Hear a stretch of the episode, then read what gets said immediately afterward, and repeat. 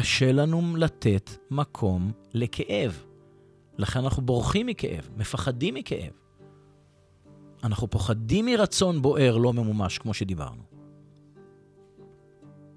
כדי שנוכל לשהות עם הרצון הכואב, עם הרצון הבוער, נוכל לשהות בתוך הכאב,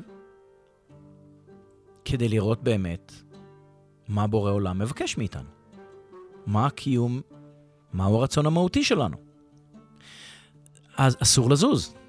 לכן שמים את הדם על המזוזות ועל המשקוף, גם כדי שלא נתרחק ולא נשקיף. זה כל כך יפה איך שזה כתוב פה. זאת אומרת, הוא אומר להם, תבואו למצב מדיטטיבי. ובאתם אל בתיכם. בואו פנימה. בוא.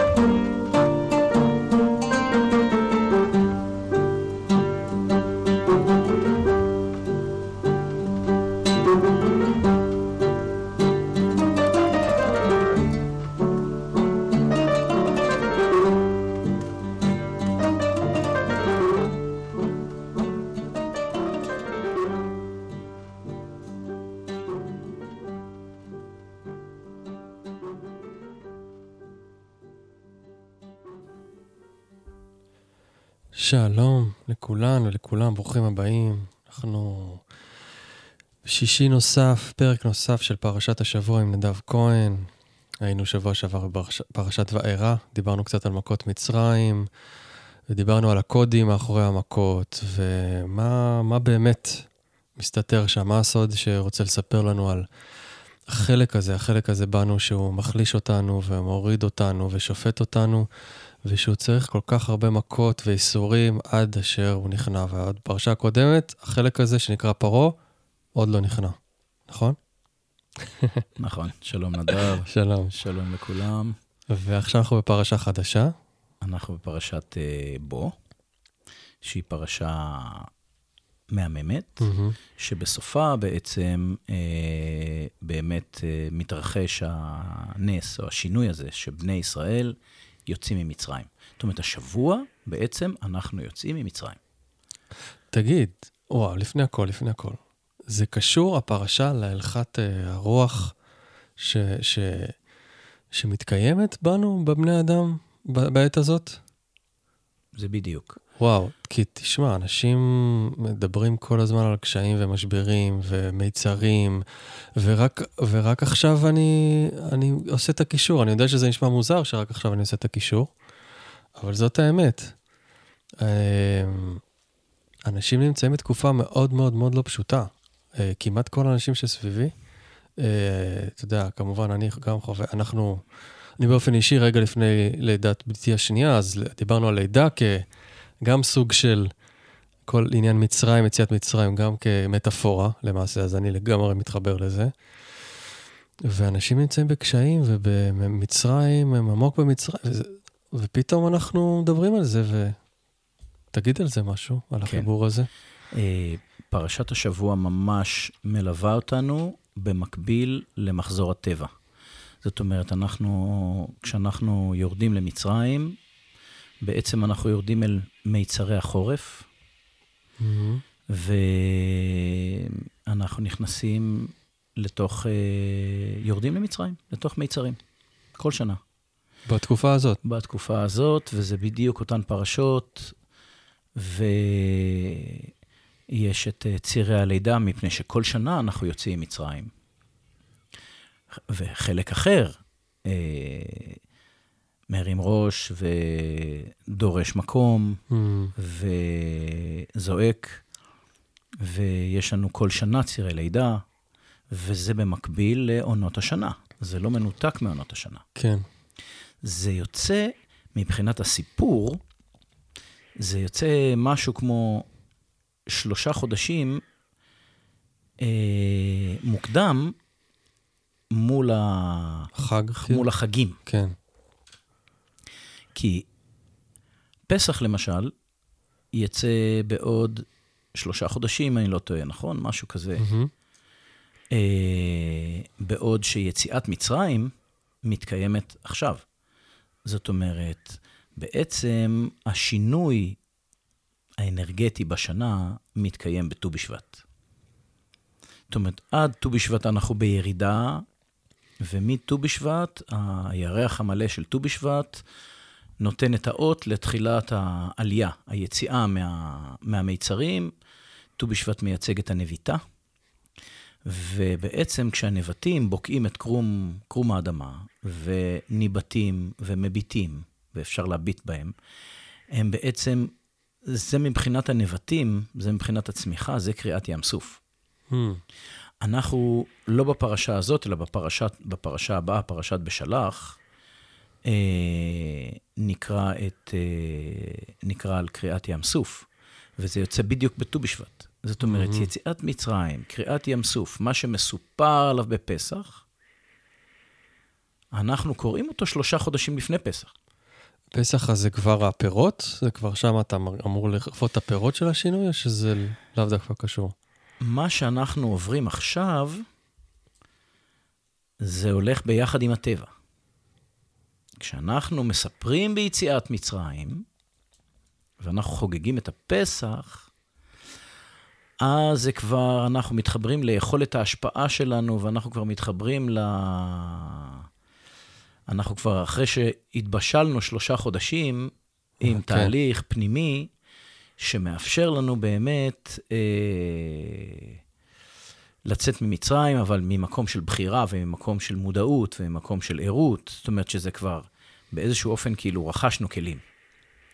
מהמם. מה שמסופר עכשיו זה בעצם מה קורה לנו באופן טבעי מבחינת הטבע. וכשאנחנו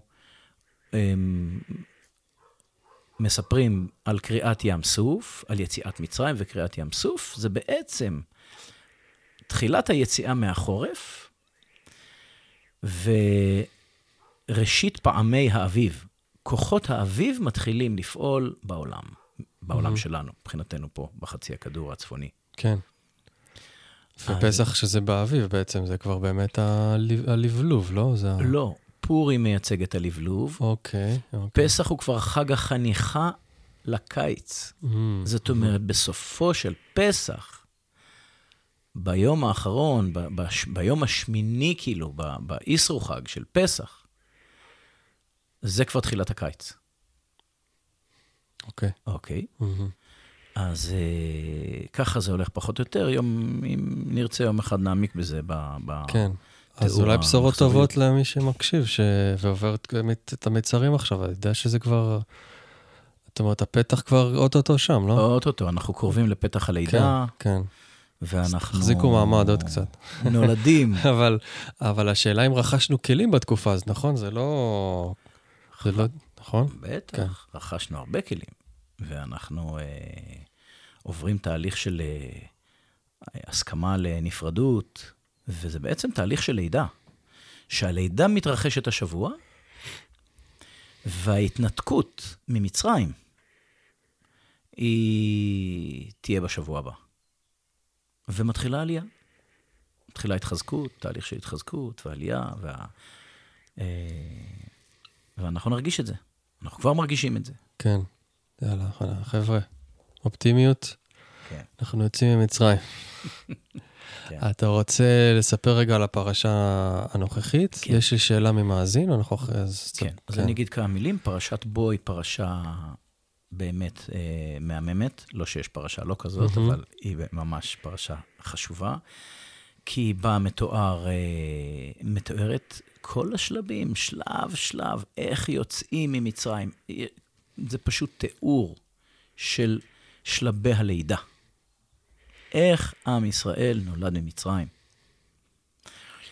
כולל מכת בכורות הכואבת, ועוד... אה, והיציאה.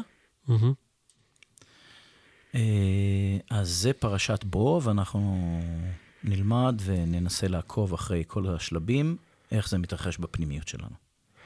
יש לי הרגשה שהשאלה של המאזין היא קשורה לפרשה, אתה תגיד לי, כאילו, אנחנו זאת אומרת, מן הסתם מתעסקים בזה הרבה, אבל הוא ביקש הרחבה על הגורם המחליש. אנחנו מדברים הרבה על, אתה מדבר הרבה על הגורם המחליש. כן. Uh, שמתי לב שהמושג הזה מסקרן ומרגיש חשוב, ומאידך לא לגמרי הבנתי אותו. דיברתם על זה שפרעה, uh, אגו, יכול להיות כמח... כמחזק מהגורם המחליש בתצורה של ביקורת עצמית. עוד דוגמאות. אוקיי, זה שאלה, השאלה. שאלה ממש טובה. כן. Uh, התחזקות מהגורם המחליש, זה בעצם שאנחנו מתחזקים מתוך מאבק. אנחנו מתחזקים מתוך חיזוק הנפרדות שלנו, כי המאבק מחזק את הנפרדות שלנו. מה שבאמת מחזק אותנו, זה חיבורים וזרימה. אבל אם אנחנו פועלים ומנסים להתחזק, למשל, אני מנסה להתחזק מתוך הרצון שלי להוכיח שאני צודק. אז הרצון שלי להוכיח שאני צודק, בכלל ויכוח. שאני מנסה להוכיח שאני צודק. אין שם נתינה לקיום, כי אין שם באמת קשב. ואין חיבור, ואין חיבור לב.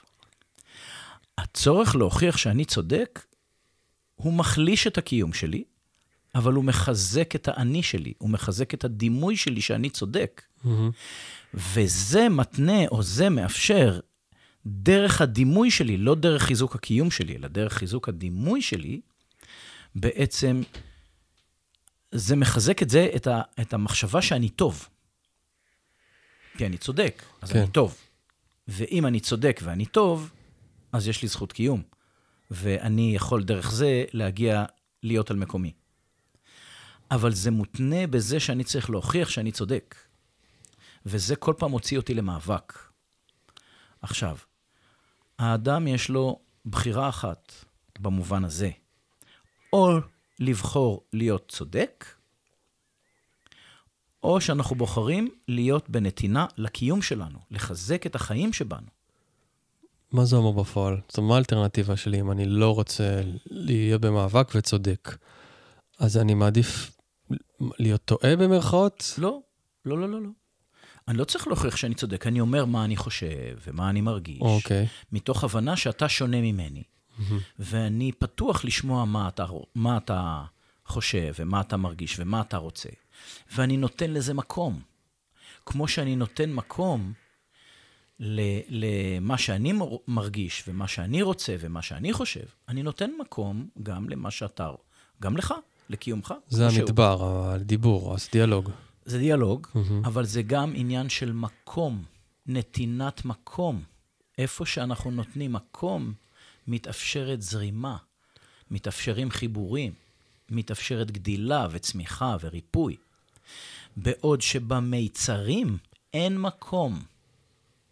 ומתוך אין מקום במיצר, כי זה צר, וליבי בצרותו, אני צריך להוכיח שאני צודק כדי לאפשר קצת לליבי להתרחב, כביכול. כביכול. מהמם. נכון.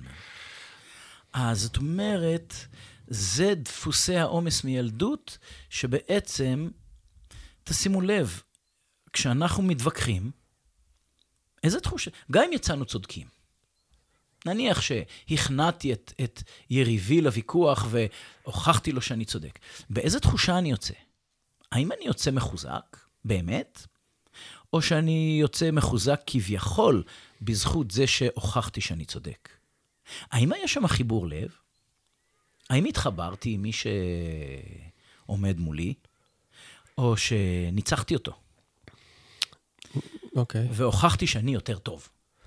נניח שמי שמאזין לנו הם אנשים שבסך הכל הולכים באיזשהו אה, נתיב של, אה, בוא נגיד, הרצון לא להיות במקום של להיות צודק וכן לשמוע את האחר וכן הלאה וכן הלאה. נגיד שיש לנו כזה סיטואציה היא אוטופית יפה כזאת שהיא לא רחוקה מהמציאות, אני מתאר לעצמי, אבל בכל זאת, אה, יש איזו כוונה כזאת. ומה שקורה בפועל זה שנלחצים לנו הכאבים בעצם, הכאב נלחץ, נכון? נכון. לוחצים לנו על הכאב, הרי אנחנו לא רוצים להיות צודקים, אבל זה כל כך כואב, ש, שהפרעה הזה יוצא מאיתנו. נכון. אז איך אנחנו יכולים לקחת את המידע שאנחנו לומדים פה לאותו רגע הזה ש, ש, של הכאב, או, איפה זה מופיע בפרשה נגיד, זה, זה שכאילו לוחצים על פרעה בעצם, הוא נלחץ, אז הוא נותן, מה, הוא בעצם ממשיך לא לוותר, הוא נותן... אוקיי, מה שאתה שואל עכשיו זה ממש מרים לנו... לפרשה, ל... יופי, לפרשה. אוקיי, כן, יופי, כי את יופי. זה אנחנו נסביר ב... באיך יוצאים ממצרים. אוקיי. כי מה אוקיי. שאתה שואל זה ממש איך בנוכחות כאב, כי זה הדילמה של האדם. כן, איך בנוכחות כאב אני מתקרב במקום להתרחק, להיאבק, להיות בדחייה, ו- ו- וששוב פרעה, אני חוזר שוב למ- למיצרים. כן. זאת שאלת השאלות, לא? זאת שאלת כן. השאלות, בזה עוסקת הפרשה הזאת. אוקיי. יאללה, אוקיי. קדימה, כן. יופי. אז פה בש... בפרשה הזאת, לפני שמתרחשת אה, יציאת מצרים, היציאה מן המיצרים, יש לנו שלוש מכות אחרונות לפנינו. אחת זה מכת הרבה. אני כבר מראש אגיד את ה... ככה, את ה... אני אדבר על שלוש המכות האלה כדי שזה יחסוך לנו אחר כך, כדי שנהיה יותר בעניינים. מהמם. מכת הרבה זה המכה שבו אני כבר, אחרי הברד, שהיינו בירידה שהוריד אותנו, עכשיו אני כבר ממש מרגיש שהסכנה אורבת. הרבה זה שאני מרגיש שסכנה אורבת לי, אבל ממש ברצינות, ואני אני, אני נמצא בסכנת, אה, סכנה רצינית. אה, אני אקרא כמה פסוקים מהפרשה הזאת, אה, אחרי זה נעבור למכת חושך. אה, אתה יודע מה? נעבור, נעבור מכה-מכה. מהמם. אה, ויאמר השם אל משה, בוא אל פרעה, כי אני הכבדתי את ליבו ואת לב עבדיו, למען שיתי אותותי אלה בקרבו. ולמען תספר ואוזני בנך ובן בנך את אשר התעללתי במצרים ואת אותותי אשר שמתי בם. וידעתם כי אני השם. ויבוא משה ואהרון אל פרעה, ויאמרו אליו, כה אמר אדוני אלוהי העברים, עד מתי מאנת לענות מפניי? שלח עמי ויעבדוני. כי אם האן אתה לשלח את עמי, הנני מביא מחר הרבה בגבוליך, וכיסה את עין הארץ, ולא יוכל לראות את הארץ. ואכל את יתר הפלטה הנשארת לכם מן הברד, ואכל את כל העץ הצומח לכם מן השדה. ומלאו בתיך ובתי כל עבדיך, ובתי כל מצרים אשר לא ראו אבותיך ואבות אבותיך, מיום היותם על האדמה, עד היום הזה. ויפן ויצא מעם פרעה. ויאמרו עבדי פרעה אליו, עד מתי יהיה זה לנו למוקש? שלח את האנשים, ויעבדו את אדוני אלוהיהם. הטרם תדע כי עבדה מצרים? וישב את משה ואת אהרון אל פרעה, ויאמר אליהם, לכו עבדו את השם אלוהיכם. מי ומי ההולכים? ויאמר משה, בנערינו ובזקנינו נלך, בבנינו, בבנותינו, בצוננו ובבקרנו, נלך, כי חג אדוני לנו. אה, הוא אומר, אוקיי, אתם רוצים לעבוד את השם? מי הולך?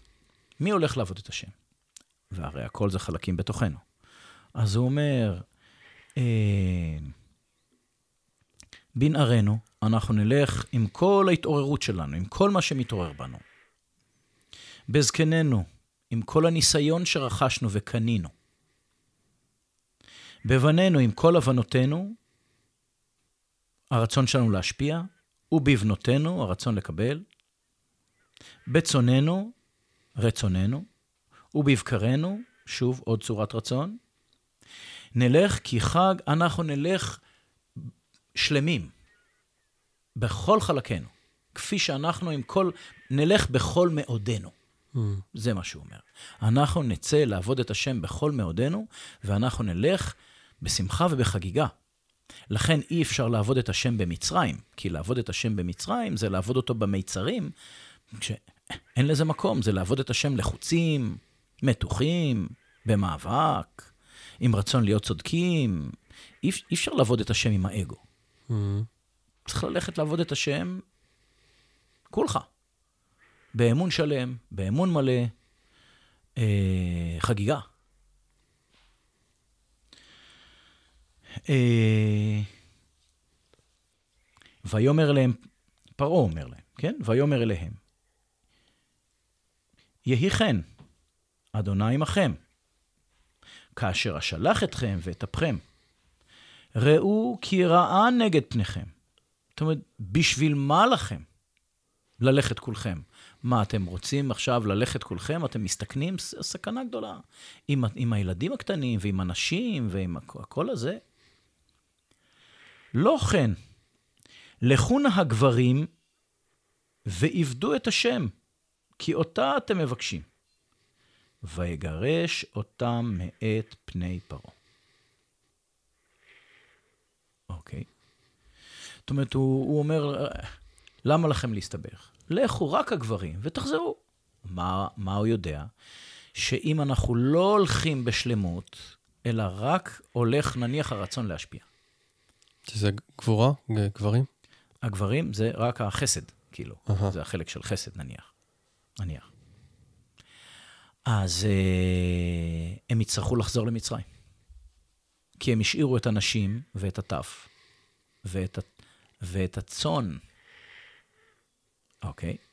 הם השאירו במצרים. הם יצטרכו לחזור למצרים. ואז שוב הוא אוחז בהם. מה שנקרא, מחזיק איכות אה, כמו כלב. ב... קושר אותם ו... נכון כן. נכון מאוד. ויאמר השם אל משה, נטה ידך על ארץ מצרים, בארבה. ויעל על ארץ מצרים, וכו' וכו' וכו'. אוקיי? פה אנחנו מדלגים קדימה קצת.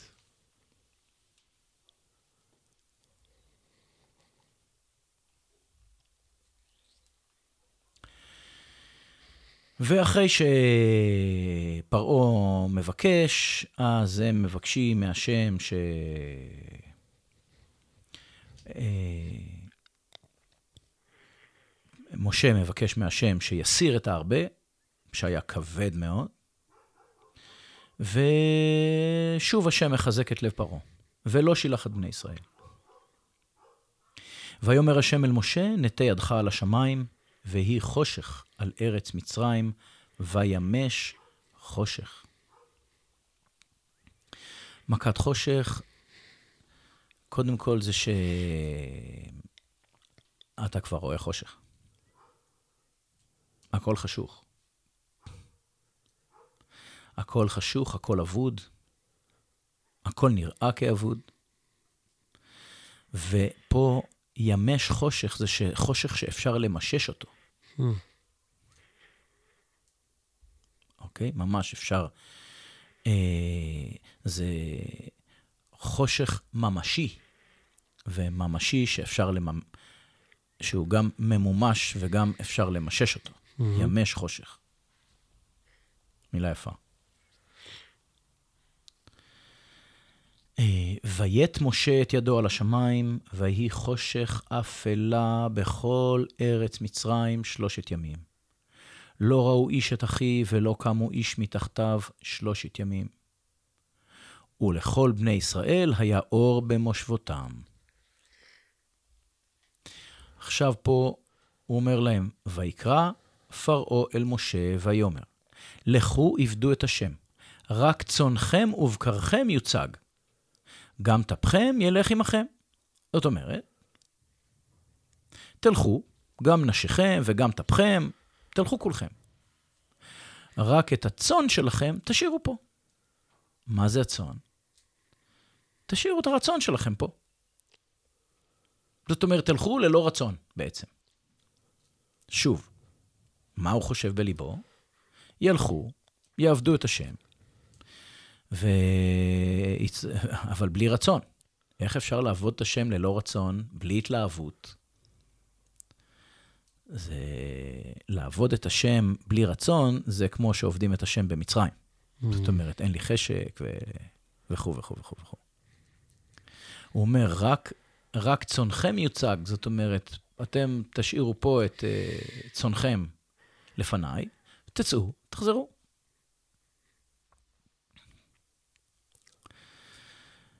ויאמר משה, גם, לא רק זה שאנחנו ניקח את הצאן שלנו, כן? אמ, הוא אומר לו, אה, ויאמר משה, גם אתה תיתן בידינו זבחים ועולות, ועשינו לאדוני אלוהינו. וגם מקננו ילך עמנו, לא תישאר פרסה. כי ממנו ניקח לעבוד את השם אלוהינו, ואנחנו לא נדע מה נעבוד את השם עד בואנו שמה. אה, פה אני, אני צריך לראות, כי עולה לי איזשהו ספק, ואני משתף את, ה, את כולכם בספק, כאילו, ב, כי אפשר היה גם לקרוא את זה, רק צונכם מיוצג, זאת אומרת, תלכו רק עם הצאן, אבל לא עם המקנה. זאת אומרת, תיקחו את הצאן, תשאירו פה את המקנה. המקנה, אמרנו, זה הרצון הקנוי, כאילו כל מה שקניתם. ולכן יכול להיות שהוא אומר, וגם מקננו ילך עמנו, לא תישאר פרסה, כי ממנו נקח לעבוד את אדוני אלוהינו, ואנחנו לא נדע מה נעבוד. זאת אומרת, עם איזה רצון נעבוד את השם, עד בואנו שמה. האם נעבוד עם רצון, נעבוד עם מקנה, זה, זה עניין של קשב פנימי, עם מה, אנחנו, עם מה אנחנו עובדים, זה עניין של בחירה, זה חופש בחירה. ומשה לא מוכן אה, שאפילו חתיכת רצון או מקנה, שאפילו פרסה אחת תישאר ב, במצרים. כל התינוק יוצא החוצה, לא חלק ממנו. נכון, בדיוק. מה זה בדיוק רצון קנוי? אתה יכול להסביר עוד? רצון קנוי זה למשל, אה, אם אני רוצה עכשיו אה, ללכת לקרוא ספר, אז זה צאן, כי הרצון הזה הוא צומח בתוכי, אני מגדל אותו. זאת אומרת, הוא גדל בתוכי, הרצון הזה. זה צאן, זה רצון שגדל בתוכי, שהוא גדל בבית שלי. Uh-huh. אבל פתאום הבן שלי אומר, אה, אבא, אולי תעשה לי סנדוויץ', אני נורא רעב. עכשיו, uh-huh. זה צאן, זה רצון שגדל אצל הבן שלי. אבל עכשיו הוא... הופך לשלך. הוא הופך לשלי. כן. Okay. אני חייב לקנות אותו. גם אם אני שואל אותך, גם אפילו אם אין לך שעון עכשיו, ואני אשאל אותך, נדב, מה השעה? אתה עכשיו קונה את הרצון שלי לדעת מה השעה, ואתה כבר רוצה להגיד לי מה השעה, בין אם אתה יכול להגיד לי ובין אם אתה לא יכול להגיד לי. Mm. אבל קנית את הרצון שלי. זאת אומרת, אנחנו לא יכולים שלא לקנות את הרצון אחד של השני. כל מה שמבקשים מאיתנו, או כל רצון שבא לידי הערות אה, אה, שלנו, אז או שזה רצון שצמח בתוכנו, זה צאן. ואם זה מקנה, זאת אומרת, זה רצון קנוי. למשל, אם יושב אדם מקבץ נדבות ברחוב, והוא מקשקש במטבעות שלו בתוך הקערה, עכשיו, איך אני יודע שהוא רוצה שאני אתן לו כמה מטבעות? כי אני מרגיש בתוכי שאני רוצה לתת לו. אני יכול לבחור לתת לו או לא לתת לו. אבל יוצג mm-hmm. בתוכי הרצון לתת לו. מאחר שיוצג בתוכי הרצון לתת לו, אני יודע שהוא, רוצה. רק ככה אני יודע שהוא רוצה שאני אתן לו. קניתי את הרצון שלו. זאת אומרת, רצון שמישהו אחר רוצה בקרבתי, אני קונה אותו והוא הופך להיות רצון שלי. Mm. אוקיי? אם אני עכשיו רוצה לצאת להליכה, וזוגתי היקרה תגיד לי, נדב, אולי תשפוך את הפח? עכשיו, מיד קניתי את הרצון שלה לשפוך את הפח. עכשיו אני יכול לבחור, קודם אני אשפוך את הפח, אחר כך אני אצא להליכה. אולי אני אשפוך את הפח בדרך, בהליכה. אולי אני קודם אצא להליכה ואני אחזור, אז אני אשפוך את הפח. אבל הרצון הזה כבר מוצג בתוכי לשפוך את הפח. הוא היה קיים בך בעצם, באיזשהו אופן. לא. לא היה קיים בך בכלל? הרצון, לשפ... צורתו, לשפוך את הפח? לא. לא, הזרע לא היה קיים שם לפני? יש שם רצון uh, להיטיב, תמיד. כן. הרצון להיטיב נמצא, והרצון ש... ש... זוגתי תהיה מבסוטה. כן. זה, זה, זה הרצון שלנו להיטיב, אבל האם הוא קיבל צורה של uh, לזרוק את הפח? לא. אבל מאחר שזה הרצ... צורת הרצון שמוצגת דרך, דרך uh, זוגתי, אז עכשיו, אה, הצורה הזאת בדיוק אה, מופיעה בי. זאת אומרת, אני לא יכול להתבלבל ולהגיד, וואלה, אולי היא רוצה שוקולד. לא, היא רוצה שאני אשפוך את כן. הפח. אוקיי? ואני רוצה, הצאן שגדל אצלי, זה לצאת להליכה. ולשפוך את הפח, זה רצון שקניתי ממנה. ועכשיו אני צריך לראות איך אני מנהג את הצאן והמקנה, ומה תהיה עבודת השם, איך היא תהיה בדיוקה.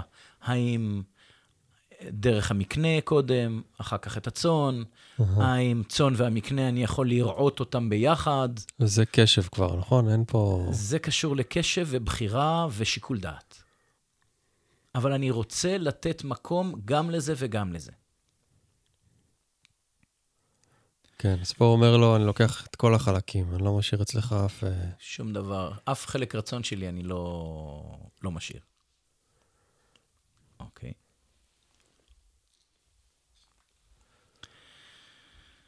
אמ,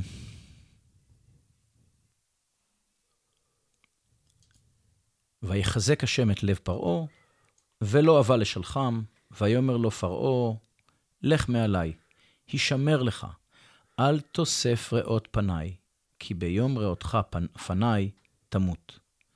ויאמר משה, כן דיברת, לא אוסיף, לא אוסיף עוד ראות פניך. וזה נכון, הוא לא, הוא לא מוסיף עוד ראות פניו. אה, ויאמר השם אל משה, עוד נגע אחד אביא על פרעה ועל מצרים, אחרי כן ישלח אתכם מזה, כשלחו כלה. גרש יגרש אתכם מזה. דבר נא באוזני העם, וישאלו איש מאת רעהו ואישה מאת רעותה, כלי כסף וכלי זהב. אמ, הביטוי הזה, אחרי כן ישלח אתכם מזה, כשלחו כלה, גרש יגרש אתכם מזה, כמו שגבר מגרש אה, כלה, זאת אומרת, הוא יגרש אתכם. זה לא יהיה, טוב, אני מסכים, אה, זה, וכגרש כלה זה שהוא ישלח, לא, לא שולחים כלה אה, ללא כלום. שולחים אותה עם רכוש ועם... אה, באופן כזה שהיא יכולה להמשיך להתקיים ולשרוד ו... ולחיות, אוקיי? לכן, הוא ישלח אתכם, ולא רק זה שהוא ישלח אתכם, הוא ישלח אתכם בידיים מלאות, כשלח, כגרש כלה. ויש חוקים לגבי גירוש כלה. אתה לא יכול לגרש כלה אה, בידיים ריקות. אהה. יש, יש חוקים, יש כתובה, יש... אה, אוקיי?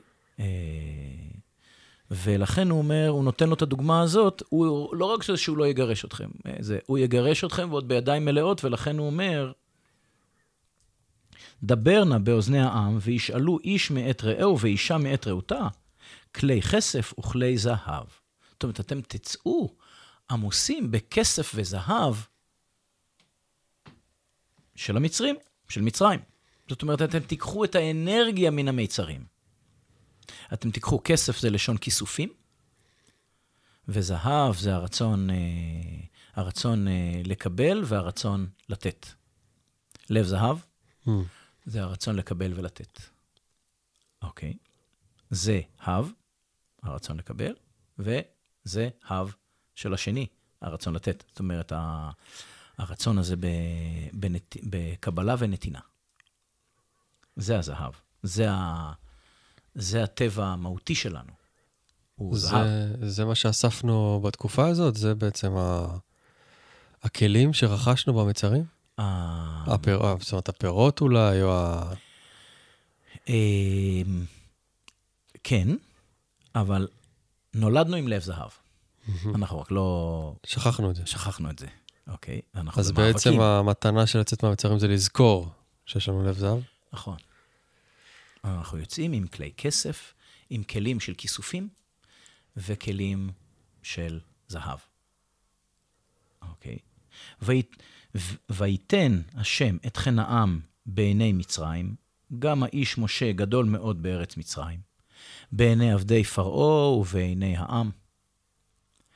ויאמר משה, כה אמר השם, כחצות הלילה אני יוצא בתוך מצרים.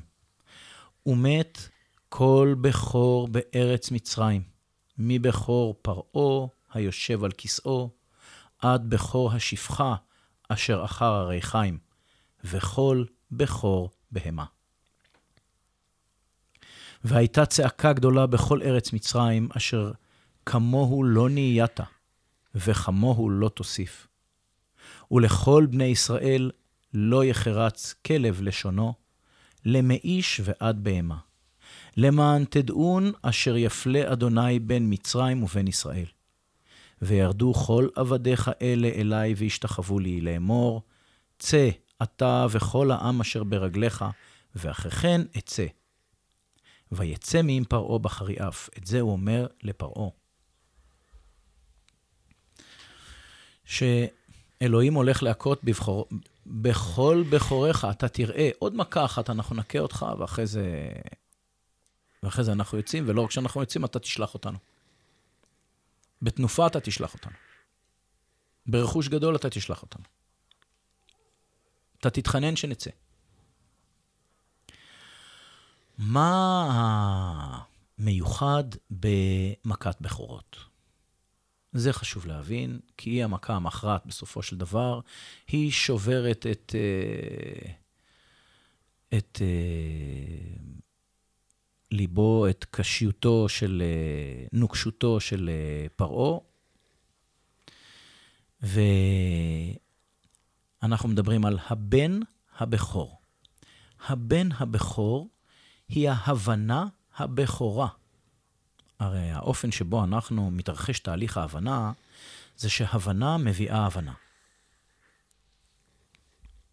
זאת אומרת, כאשר אנחנו בתהליך הבנה של משהו, אז, אנחנו, אז יש לנו הנחת יסוד. זה הבן הבכור.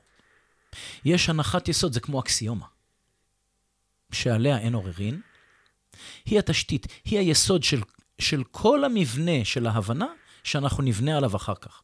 זה היסודות של ההבנה שלנו.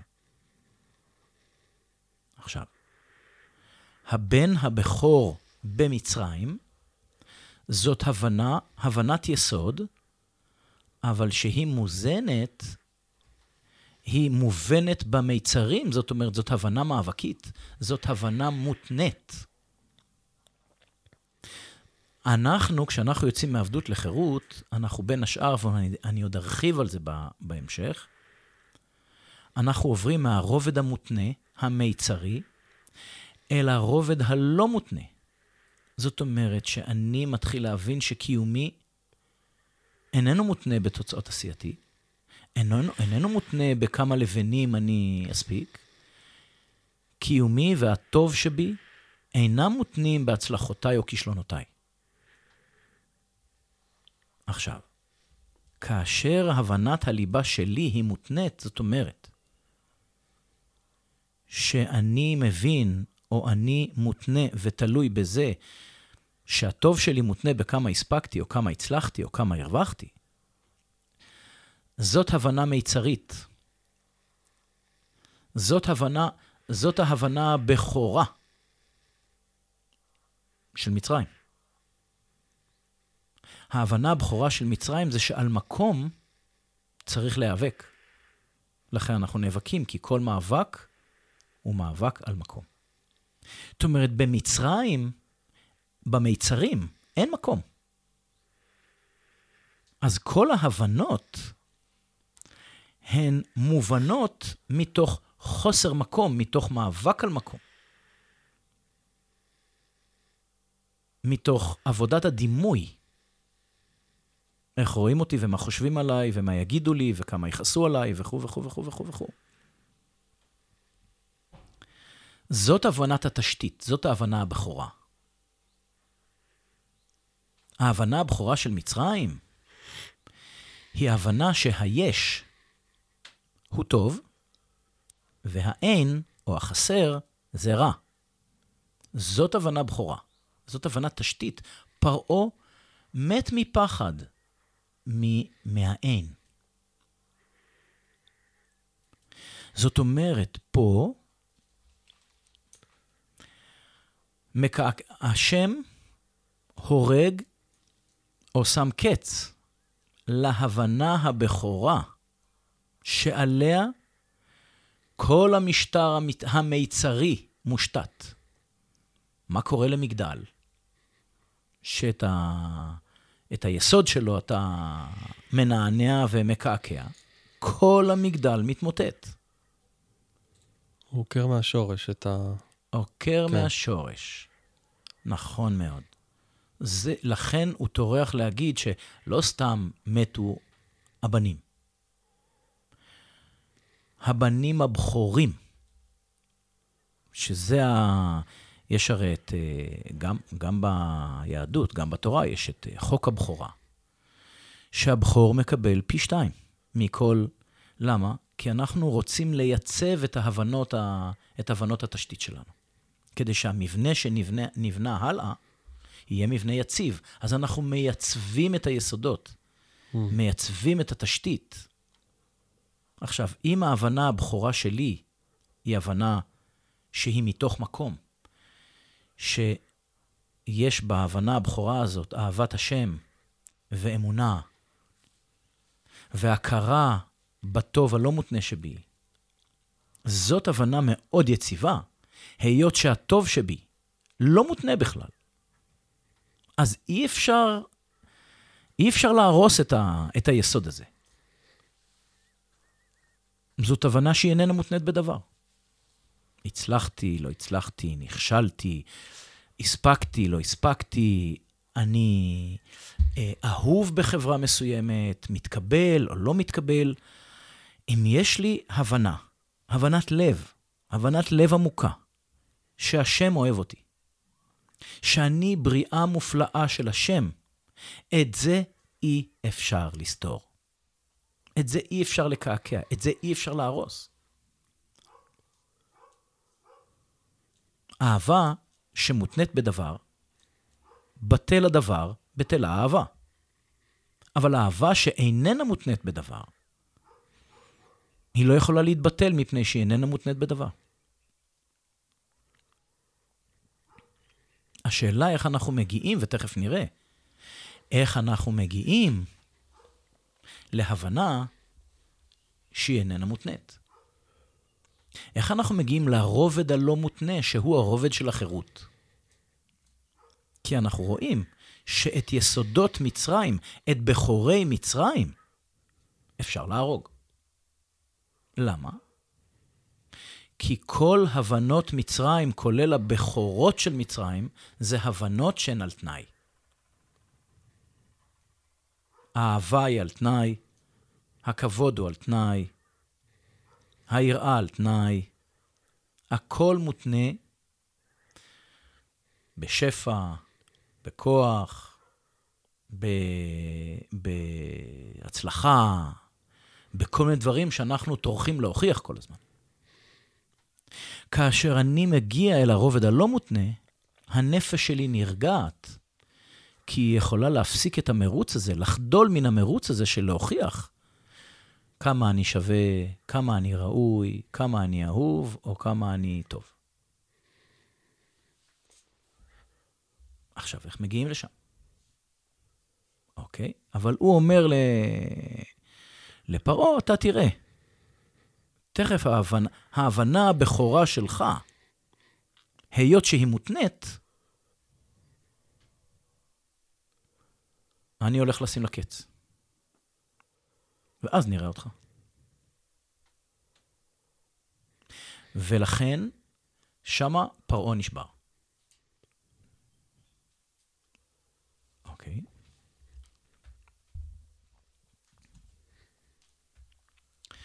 ועכשיו אנחנו בפרק י"ב פסוק א', קפצתי איזה כמה פסוקים. ופה מתחיל הלימוד של החירות. פה מתחיל הלימוד של החירות של בני ישראל. כי הסבל הוא לא מספיק, צריך להתחיל גם uh, להכין אותם ל, ליציאה, וצריך להתחיל uh, לבנות יסודות יסודות של בגרות, יסודות של אחריות, יסודות של בינה.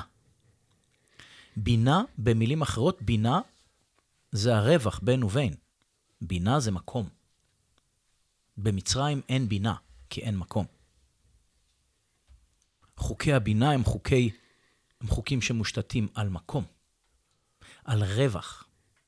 דרך אגב, בהמשך הפרשות אנחנו נגיע לחוקי הכשרות, אנחנו נראה שכל חוקי הכשרות של האכילה, של מה כשר ומה לא כשר לאכול, בנוי על חוקיות הבינה, על חוקיות הרווח. אוקיי? יש חוקיות לאכילה כשרה ולאכילה לא כשרה, החוקיות הזאת בפנימיות שלנו. אבל זה חוקיות המקום, חוקיות הרווח. רווח לשון רוח.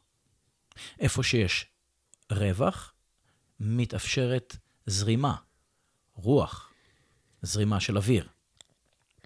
אוקיי? ופה מתחילה ההכנה. מתחילים לבנות מקום. איך מתחילים לבנות מקום?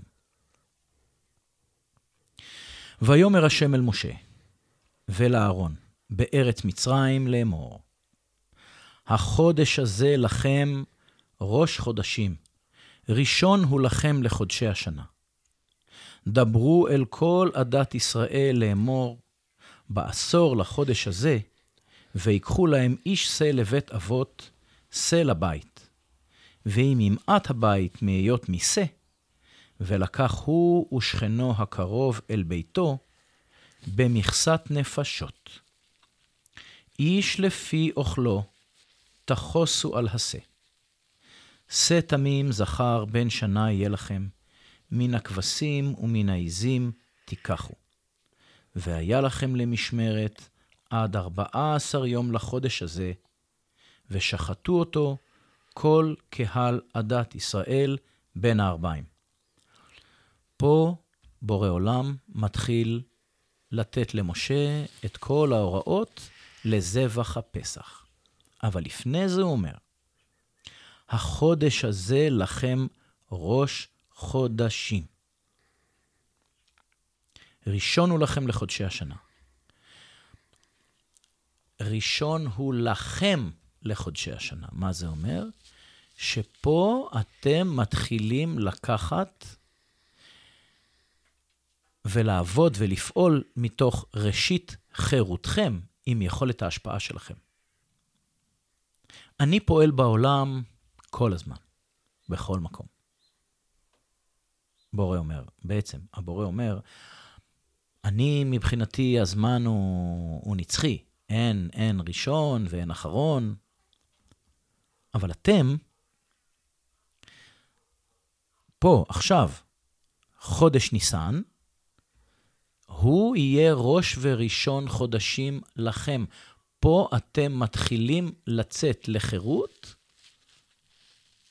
ולפעול כשותפים שלי, של בורא עולם.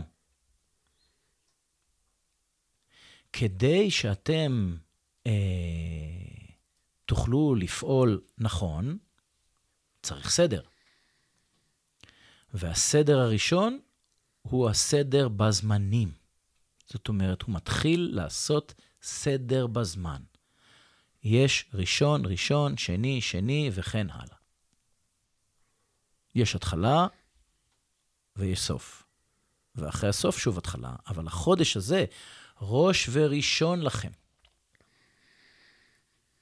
זה תחילת חירותכם כמשפיעים עם סמכות כבני חורין. זה ראשית השפעתכם כבני ישראל, ישר אל. למה זה חשוב כל כך הזמנים? זאת אומרת, למה זה הדבר הראשון? אה, זה דבר ראשון, אנחנו נבין בהמשך, זה דבר ראשון מפני שזה החודש הראשון שבו בעצם זה הפעם הראשונה שבו אתם תבואו אל מקומכם ותתחילו לפעול ממקומכם בחיבור איתי, בתיאום איתי. עד אז, לא, עד אז הייתם במצרים, הייתם במיצרים. זה יהיה החודש הראשון שאתם תפעלו מתוך מקום. זה, זה כמו שאסיר, אה, יש, אה, אתה יודע, סופרים את הימים עד שאתה משתחרר. גם כשאתה אסיר, גם בצבא עושים את זה. וכשאתה יוצא, אתה גם סופר את הזמן מאז שהשתחררת. נכון, בדיוק. כזה, כן. נכון. זאת אומרת, כאשר הייתם עבדים במצרים, פעלתם מחוסר מקום.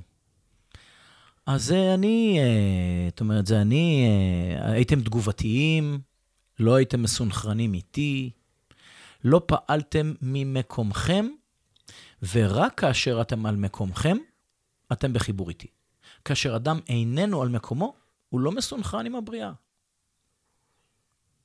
הוא לא בחיבור עם הבריאה. הוא בעצם, כאילו אפשר להגיד, הוא לא מתקיים. הוא קיים, פיזית, אבל הוא לא מתקיים מבחינת היותו אדם בדרגת מדבר. אנחנו בעצם מתקיימים בד... בדרגת מדבר כבני אדם, בני חורין חופשיים, משפיעים, מרגע שאנחנו חוזרים אל מקומנו ופועלים ממקומנו. זה, זה שיתוף הפעולה בין הזכרי והנקבי.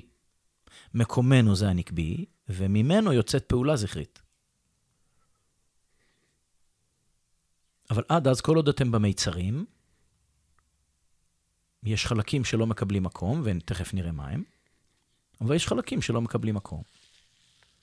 אז אתם לא יכולים לפעול בתיאום איתי, בחיבור איתי, בתיאום עם הבריאה, כחלק ממערכת מסונכרנת, כחלק ממקהלה שיש לה מנצח אחד. מקהלה מתואמת.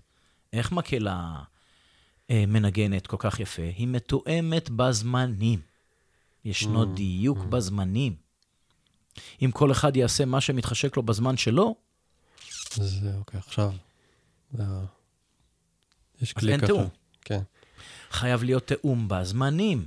וכדי שנהיה כולנו מתואמים בזמנים, הנה מתחילה שעת השין, כאילו, הנה מתחילה...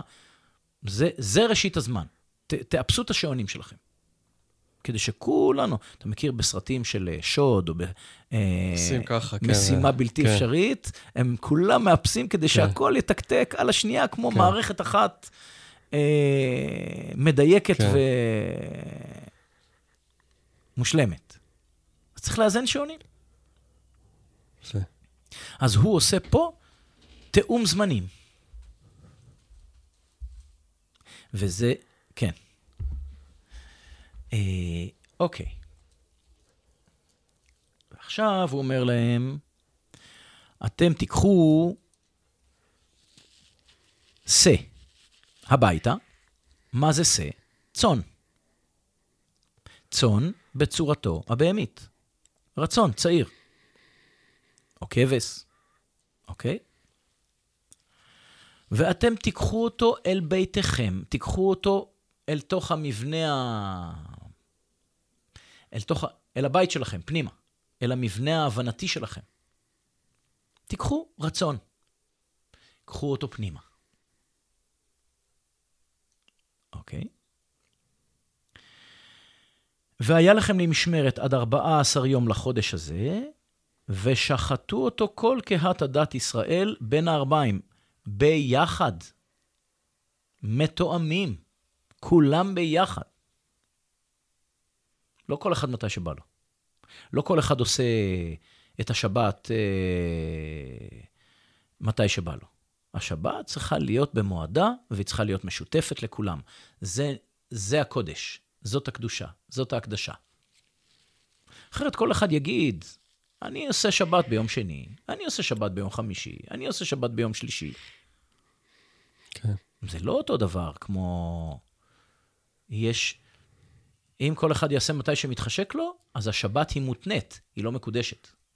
היא מותנית במתי שסיימתי לעשות משהו, מתי שנוח לי, או מתי שאני עייף. השבת היא איננה מותנית אפילו בעייפות שלי. אוקיי? השבת היא משהו מקודש. גם אם נחת כל השבוע. לא הזזת, לא הרמת יד כל השבוע. שבת אתה עושה במועדה. כי שבת זה דבר שהוא איננו מותנה. זה בשביל הנפש. כדי שהנפש לא תהיה מבוהלת. תאר לך שאני, אתה צמא ורעב, ואתה אומר, אוקיי, מתי אני אוכל? אם אני אומר לך זמן, מתי אוכלים? אתה רגוע.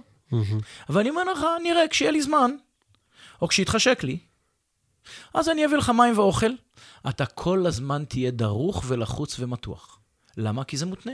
זה מותנה מתי, אה, מתי יהיה לי זמן, זה מותנה מתי יתחשק לי, זה מותנה מתי שאני אזכר בך. זה מותנה.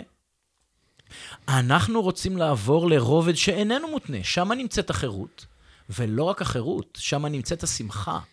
השמחה נמצאת בהקדשה, בקדושה, ברובד שאיננו מותנה.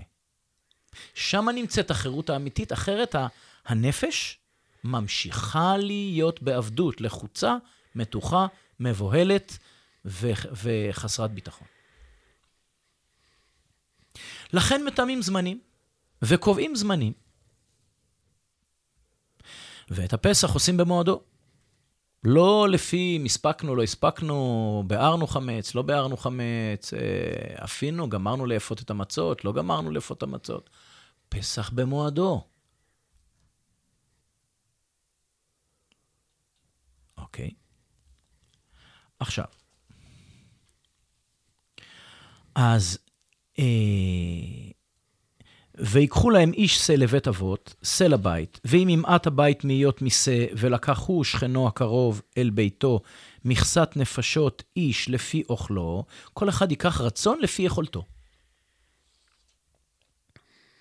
לפי יכולת העיכול שלו, לפי היכולת שלו להכיל. כל אחד ייקח רצון, יש כאלה שיקחו רצון קטן, יש כאלה שיקחו רצון גדול, יש כאלה שיחלקו ברצון עם, עם שכן. כל אחד שכן לפי, כל אחד לפי יכולתו. אבל אתם לוקחים צאן הביתה. שא תמים, זכר בן שנה, מה זה הרצון? זכר. זה צריך להיות רצון להשפיע, רצון לעשייה.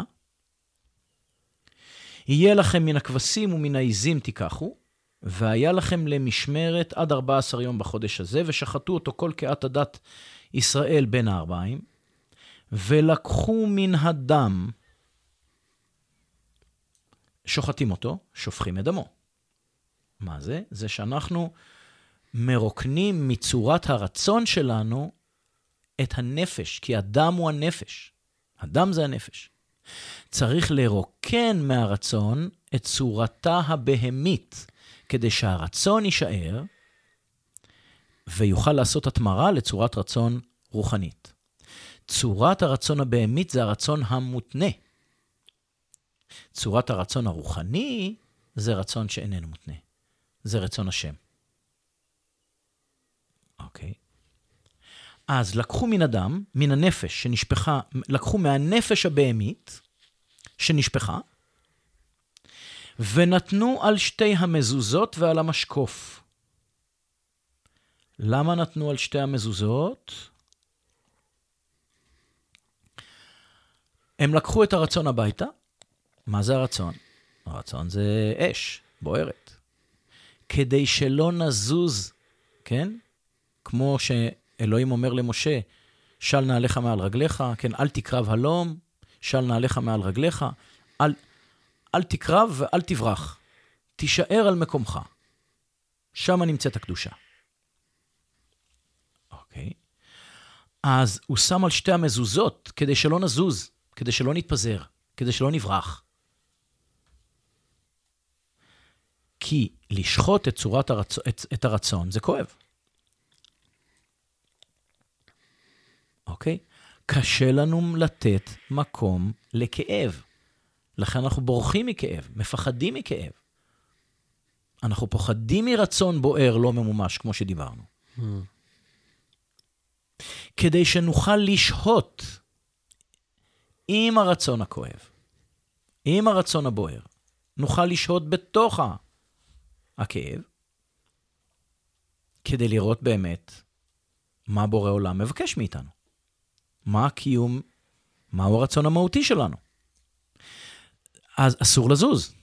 לכן שמים את הדם על המזוזות ועל המשקוף, גם כדי שלא נתרחק ולא נשקיף. זה כל כך יפה איך שזה כתוב פה. זאת אומרת, הוא אומר להם, תבואו למצב מדיטטיבי. ובאתם אל בתיכם. בואו פנימה. בוא. בוא אל תוכך ותישאר שמה.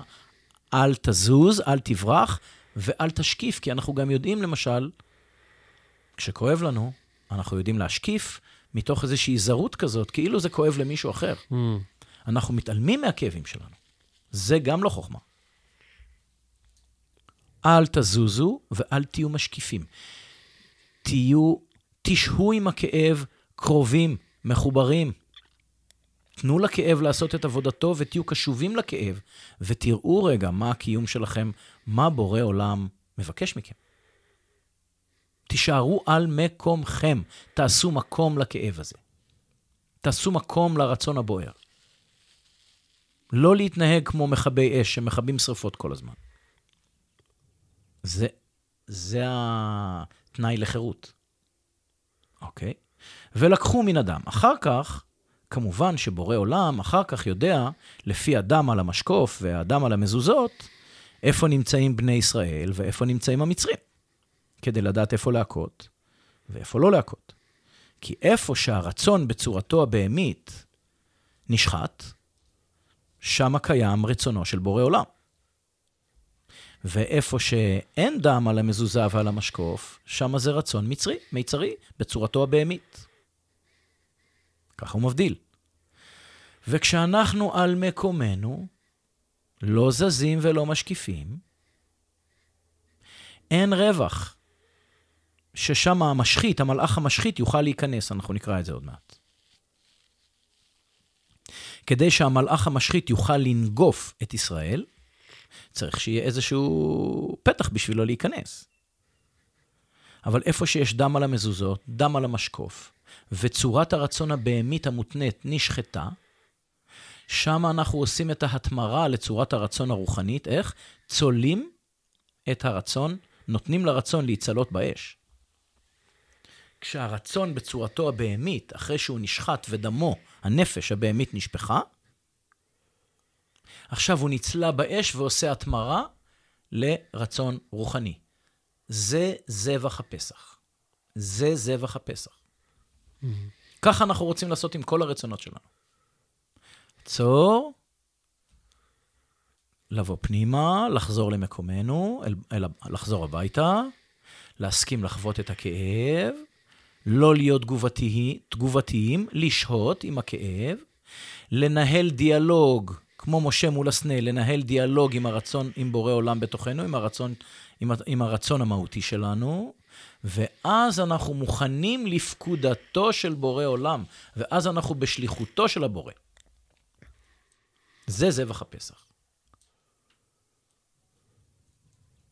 וככה גם מתקיימת הפסיכה על דלתות בני ישראל, כדי לדעת איך להפלות איפה, איפה ימות בכור ואיפה אפשר, איפה אפשר להרוג בכור ואיפה אי אפשר להרוג בכור. כי אם אנחנו ברובד לא מותנה, אז כבר אי אפשר להרוג בכור. אין כניסה. אוקיי.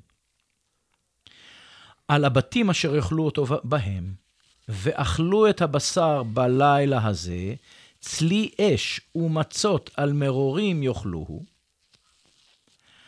אל תאכלו ממנו נע ובשל מבושל במים. זאת אומרת, אל תבשלו את הרצון ברגש. זה חייב להיות באש, זה חייב להיות תהליך של התמרה.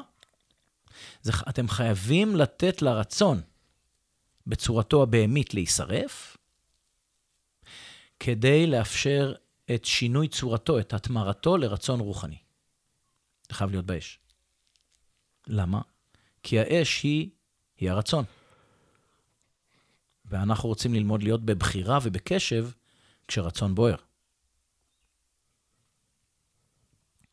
כי אם צלי אש ראשו על קרעיו ועל קרבו, ולא תותירו ממנו עד בוקר, והנותר ממנו עד בוקר באש תשרופו. אתם אוכלים אותו ככה, בלילה. אה, למה בלילה? שעדיין השכל או ההיגיון שלכם, או השכל הארצי הגשמי שלכם, לא יוכל להתערב פה. אתם תאכלו אותו מתוך חיבור עם השם. ברגע שתשמרו את זה כבר עד הבוקר, אז כבר אתם מתערבים עם הבקרה שלכם. ואז אתם כבר לא, לא על מקומכם ולא מתחיל כל ה... אוקיי. אני מתקדם קדימה, אין לנו עוד הרבה זמן, נכון? מהמם. אז אה, ויקרא משה לכל זקני ישראל ויאמר אליהם, משכו וקחו לכם צאן למשפחותיכם ושחטו הפסח. עכשיו הוא נותן להם את כל ההוראות. ולקחתם אגודת אזוב, וטבלתם בדם אשר בסף, והגעתם אל המשקוף ואל שתי המזוזות מן הדם אשר בסף. ואתם לא תצאו איש פתח ביתו עד הבוקר, אתם נשארים בבית, על מקומכם. ועבר השם לנגוף את מצרים, וראה את הדם על המשקוף ועל שתי המזוזות, ופסח השם על הפתח. ולא ייתן המשחית לבוא אל בתיכם לנגוף. זאת אומרת, המשחית לא יכול להיכנס אליכם הביתה. כי אתם עשיתם את הטקס הזה של הפסח. אתם עושים את הפסח, פסח, זה הפה המדבר, ואז המלאך פוסח על דלתות בני ישראל. אה, אין מקום שם לעומס, אין מקום לכעס, אין מקום... מי זה המלאך ה... המשחית? זה ה... כל צורות מצרים למיניהם. זה קנאה, ובושה, ואשמה, וכעס, וכו' וכו' וכו' וכו' וכו' וכו'. כשאנחנו על מקומנו, בנתינה לקיומנו, אנחנו שורפים את זה. אנחנו שורפים את, את הצורה הזאת. כן. נכון. ואנחנו עוברים לצורת רצון רוחנית. אז אין מקום שמה. למלאך המשחית, הוא לא יכול להיכנס. אמ, ויהי בחצי הלילה, והשם היכה כל בכור בארץ מצרים, מבכור פרעה היושב על כסאו, עד בכור השבי אשר בבית הבור, וכל בכור בהמה. ויקום פרעה לילה הוא וכל עבדיו וכל מצרים, ותהי צעקה גדולה במצרים, כי אין בית אשר אין שמת. ויקרא למשה ולאהרון לילה ויאמר, קומו צאו מתוך עמי, גם אתם, גם בני ישראל, ולכו עבדו את השם כדברכם. גם צונכם, גם בקרכם, קחו כאשר דיברתם. ולכו. וברכתם גם אותי. ותחזק מצרים על העם למהר לשלחה מן הארץ, כי אמרו, כולנו מתים. וישא העם את בצקו, טרם יחמץ, משערותם צרורות בסמלותם על שכמם. ובני ישראל עשו כדבר משה, וישאלו ממצרים כלי כס- כסף וכלי זהב ושמלות. שמלות זה לשון שלמות. והשם נתן את חן העם בעיני מצרים, וישאילום, וינצלו את מצרים. ויסעו בני ישראל מרעמסס סוכותה, כשש מאות אלף רגלי גברים לבד מטף, וגם ערב רב עלה איתם, וצאן ובקר, מקנה כבד מאוד. ויופו את הבצק אשר הוציאו ממצרים עוגות מצות, כי לא חמץ. כי גורשו ממצרים, ולא יכלו להתמהמה, וגם צידה לא עשו להם. זאת אומרת, הכל נעשה בחיפזון, הם אפילו לא יכולים להתמהמה. המילה להתמהמה זה השאלה הזאת שאנחנו שואלים הרבה פעמים כשאנחנו לא בחיבור, אה, מה המהות? מה המהות? זה להתמהמה. כשאנחנו לא יכולים להבדיל בין, עיקר, בין טפל ועיקר, בין אה, נכון ולא נכון, בין רצון השם לבין אה, אה, רצון מצרים, בין רצון פרעה, אה, אנחנו מתמהמהים. מה המהות? מה המהות? מה נכון? מה, מה מדויק, אוקיי? אבל כשאנחנו עושים מתוך חוויה, אז אין לנו זמן להתמהמה אפילו. השם פועל בנו. וככה הם יוצאים ממצרים, בחיפזון.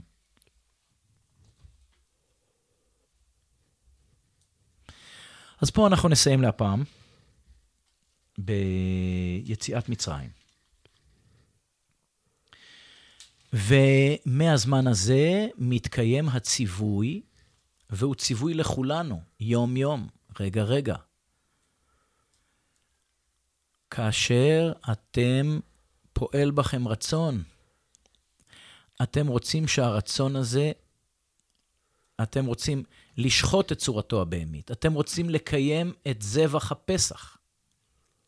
אם אתם לא מקיימים את זבח הפסח, אז אתם לא יכולים להיות בני ישראל, אתם לא עושים את רצון השם, מפני שלא שפכתם את הנפש הבהמית מתוך הרצון שלכם.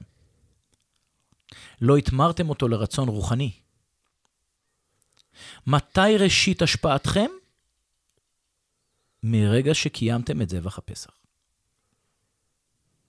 ומרגע שקיימתם את זבח הפסח, אתם ברובד הלא מותנה, ואתם מתואמים בזמנים עם כל הבריאה ועם בורא עולם, ואז אנחנו על מקומנו ומדייקים ממקומנו באהבת התהליך, ללא אחיזה בתוצאה, וזוהי חירות, שאנחנו יכולים לשהות עם רצון בוער. ואת ההמשך אנחנו נראה בפרשה הבאה, פרשת בשלח. וואו, זה כל כך uh, מהותי. אני, אני לא ידעתי שזה באמת מופיע, בזכותך באמת, שזה מופיע פה, בכתובים שלנו, כי אני באמת מכיר את החוכמה הזאת מתורות אחרות קצת יותר. Uh, ופה, ואתה יודע, זה משהו כל כך uh, מהותי, גם בחוויה האישית שלי, ה, ה, היכולת uh, uh, להכיל כאב, או היכולת לעמוד בכאב, על, על הרצון על הממומה שלך, על הדבר הזה שלא קורה כפי שאתה רוצה שיקרה, על הרעיונות שיש לך בראש על חייך וכן הלאה, על תוכנית חייך. והדבר היחידי שמפנה מקום באמת לתוכנית היותר גדולה, זה, זה רגע לעמוד ב, באש הזאת. נכון. ולתת לה רגע לעשות, לעשות בה כרצונה. נכון. ולא להגיב, ולא להשתלח על האחר, ולא לשרוף את כל הסביבה שלך, כי וגם את עצמך, נכון. שזה פרעה. אני נכון. שורף את עצמי כי באשמה, בביקורת, ב- ב- אני מסרס את עצמי, אני מקטין את עצמי, כי אני לא יכול להכיל את הכאב. כן. עכשיו, ופה יש חוכמה ממש, אה, ממש גדולה. ויש פה חוכמה בזה. כפולה, נדב. כן. יש פה חוכמה כפולה.